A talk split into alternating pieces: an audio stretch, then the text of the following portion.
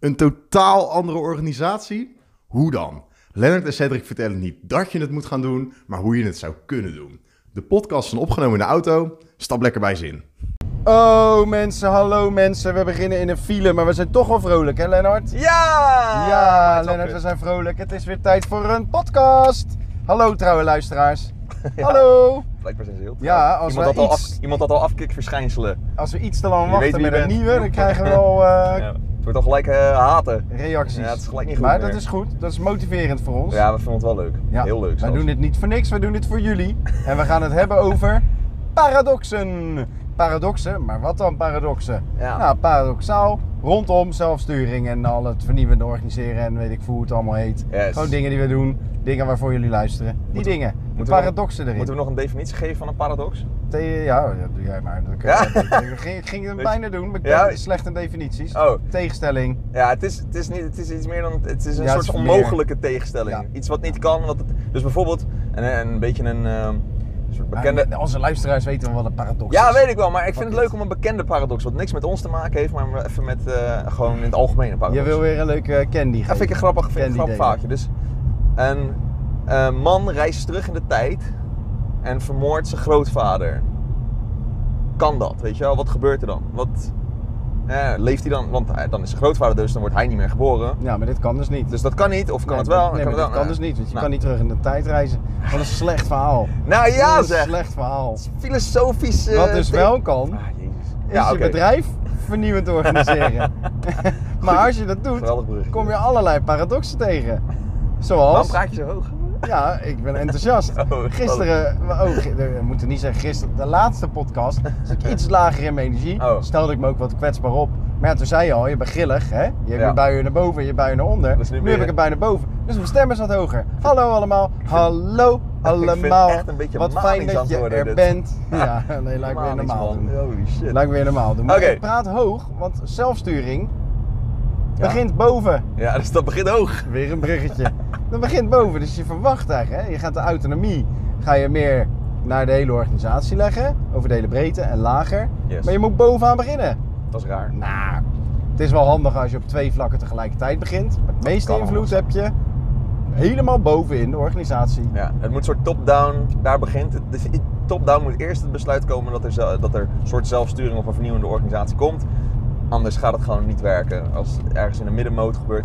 Er is trouwens een voorbeeld, die hebben we al eens een keertje genoemd.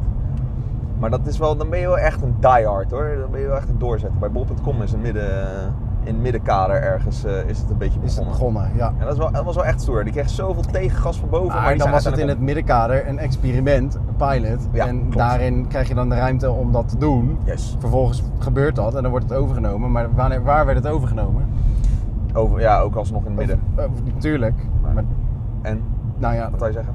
de toplaag, toplaag werd wel bewerkt. Ja, die, Hoe, ja ga je, zeker. hoe ga je daarmee om? Zeker weten. Ja. Ehm, Dus, dat is één. Dat is de Ja. paradox nummer één. Right? ja, het geven van, vanaf boven. En het geven van vrijheid en vertrouwen loont. Wat betekent op het moment dat jij de portemonnee geeft aan allerlei collega's, dan zou de eerste verwachting zijn dat er misbruik van gemaakt wordt. Yes. Kan in veel gevallen ook, zeker als jij een hele rotte cultuur hebt en heel veel jaren heel lelijk hebt gedaan aan al je collega's. En ze eigenlijk heel lang hebt bestolen. Dan Mhm. kun je ervan uitgaan dat je ook zelf bestolen wordt. Hè?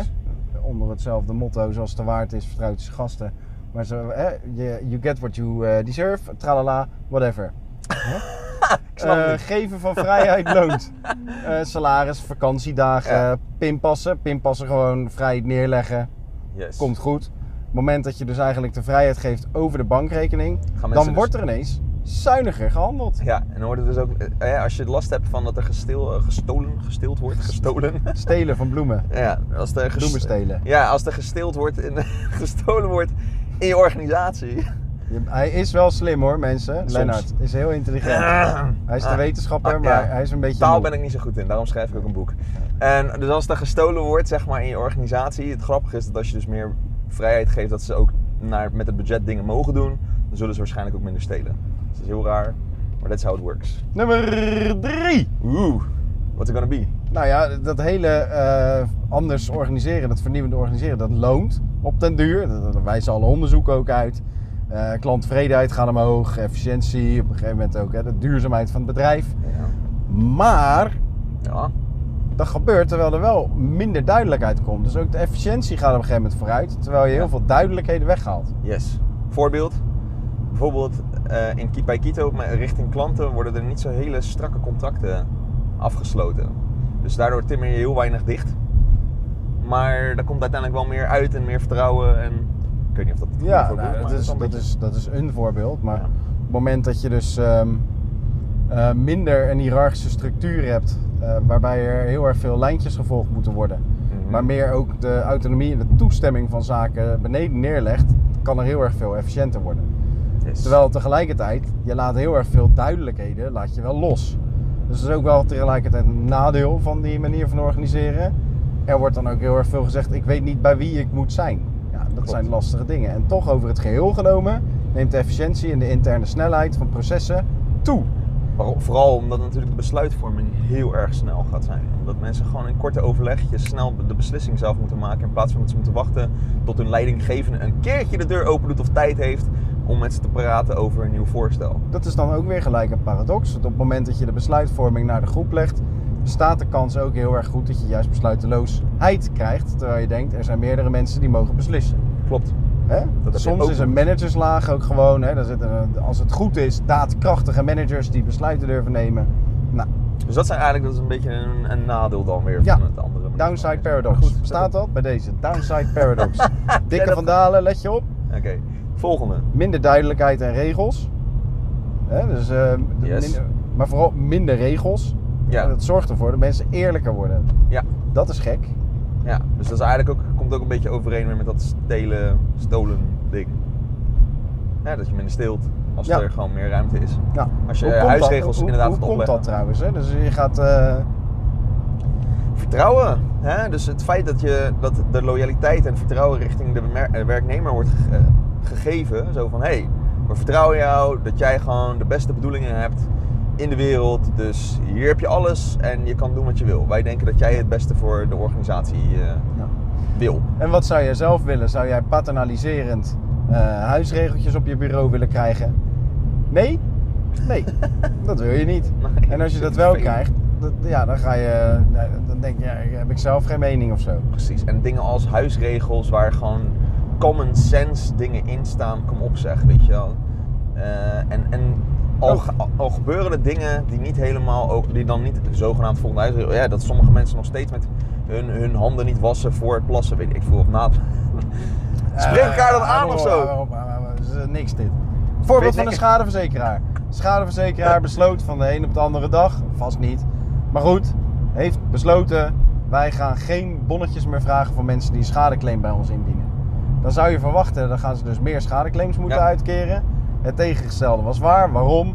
Mensen gingen niet meer, omdat ze de, de- die, die bonnetjes niet hoefden in te leveren, Ja. deden ze ook niet meer overvragen. Terwijl op het moment dat ze dachten, we moeten bonnen inleveren, die worden beoordeeld, dan stoppen we er maar wat extra bonnen bij, omdat we dan uiteindelijk wel het goede bedrag krijgen. Yes. Experiment, experiment getest, zijn ze mee door blijven gaan. Google het maar.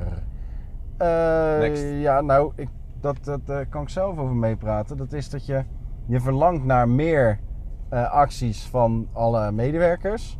Maar zeker in het begin krijg je het zelf veel drukker. Als leidinggevende wil je zeggen. Ja, Of als baas, of ja, hoe je het wil. ja, ik denk, nou weet je, mooi. Dus er worden minder beslissingen door mij genomen. Ik doe niet meer al die functioneringsgesprekken. Eh, wel.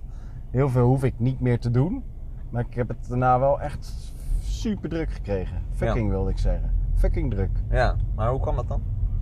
Waar was je dan ik- wel mee omdat bezig? Ik, omdat ik daar heel erg eh, met mijn eigen ontwikkeling, dat ik op de goede manier omging met, eh, met dat loslaten en delegeren. Ja. Dat zie je ook vaak het dilemma van mensen die eh, iets moeten delegeren. Zeggen ze ja, maar het is sneller als ik het zelf even doe. Ja. Maar dat dan in het uitvergroten exponentiële over de hele tent. Ja. Dus het kost zeker meer tijd in het begin. Dus enerzijds mijn eigen ontwikkeling en anderzijds het coachen van anderen. Yes. Van dit is wat ik van jou verwacht. Ja. En dan ook nog het derde ding is op mijn kloot te krijgen van mensen die mij aanspraken. Zoals jij bijvoorbeeld. Heel vaak helaas.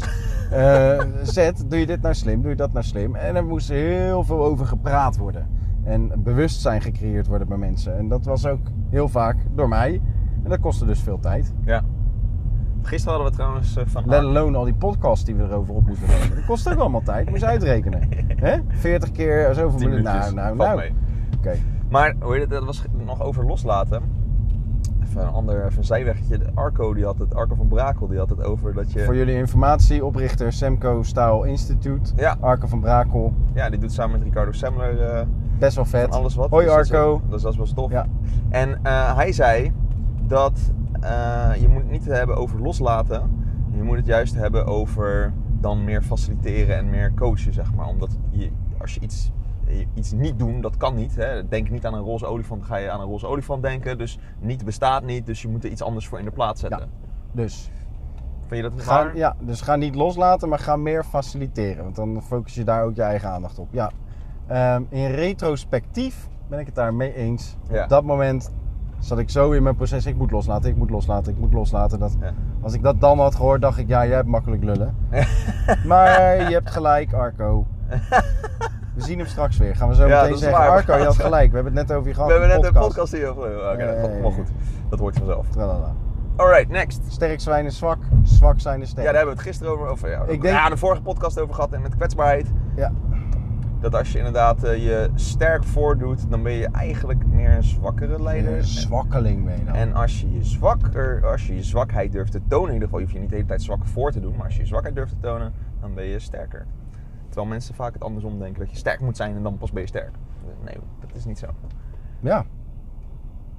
Dus, Eh, ja, Hebben we er nog één? Door. Ja, ik, ik heb er nog één. Het is te zoeken ehm, naar, ehm, naar, dat, naar dat meer floreren en blijheid en gelukkigheid. Al die dingen en dat geluk. ja, die is, le- deze is leuk. Als Ik je, voel hem al.